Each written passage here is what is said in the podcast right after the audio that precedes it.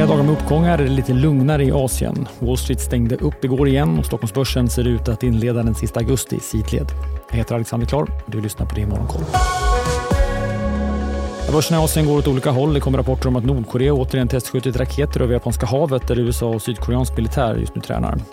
Börsen i Fastlandskina backar något efter de senaste dagarnas starka uppgångar. Samtidigt har vi fått inköpschefsindex från Kina där PMI för industrin steg något i augusti, men för femte månaden i rad var det under det viktiga skiljelinjen 50.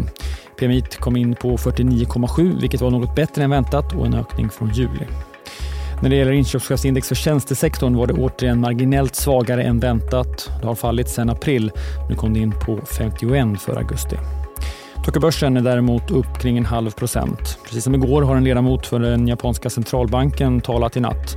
Och tvärt signalerna från ledamot Tamura igår så sa ledamot Nakamura att det är för tidigt att säga när man bör strama åt landets expansiva penningpolitik. Från Japan har vi också under natten fått betydligt starkare detaljhandelssiffror för juli medan industriproduktionen minskade mer än väntat. Och på tal om Asien så flaggar Business Sweden för en kraftig inbromsning i regionen.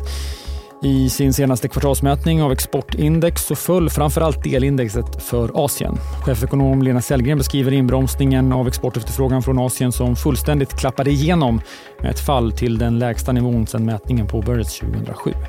USA-börserna steg igår efter signaler från arbetsmarknaden som visar att ekonomin nu kyls ner. ADPs arbetsmarknadsrapport som jag pratade om igår var betydligt svagare än väntat.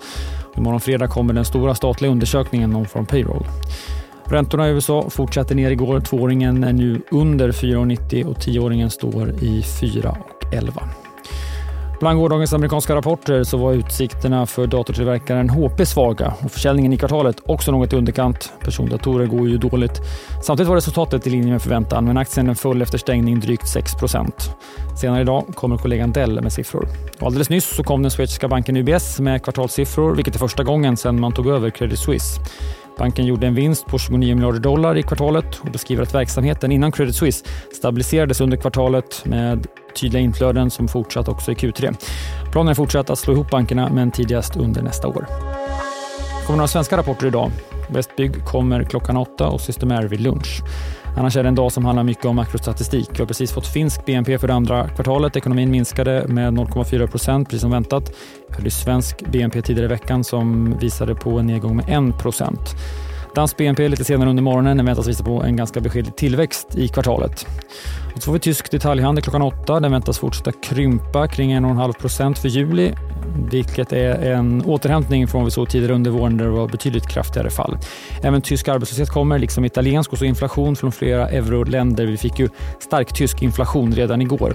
Sammanvägt för euroområdet så väntas inflationen för augusti visa att den kryper tillbaks, men bara något och kommer troligtvis ligga kvar en bit över 5% Kärninflationen ytterligare en bit högre och rensat för energi och livsmedel så ligger inflationen ytterligare en bit upp. Senare idag också mötesprotokoll från ECBs senaste möte. Och som om inte det vore nog så kommer även amerikansk inflation som nog blir dagens viktigaste datapunkt. Kärninflationen väntas komma in fortsatt över 4% ganska mycket i linje med det senaste utfallet. Svensk inflationsutfall, ja det får vi först om två veckor.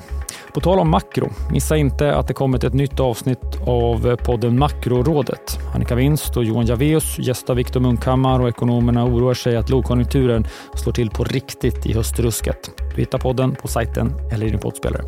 Om en liten stund är DTV Börsmorgon som vanligt kvart i nio.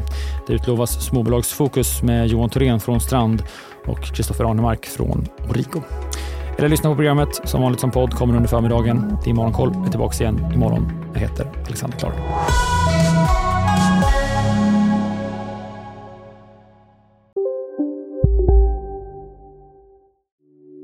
Hej, Ulf Kristersson här. På många sätt är det en mörk tid vi lever i. Men nu tar vi ett stort steg för att göra Sverige till en tryggare och säkrare plats.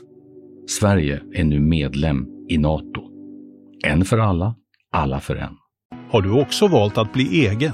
Då är det viktigt att skaffa en bra företagsförsäkring. Hos oss är alla småföretag stora och inga frågor för små. Swedeas företagsförsäkring är anpassad för mindre företag och täcker även sånt som din hemförsäkring inte täcker. Gå in på swedea.se företag och jämför själv.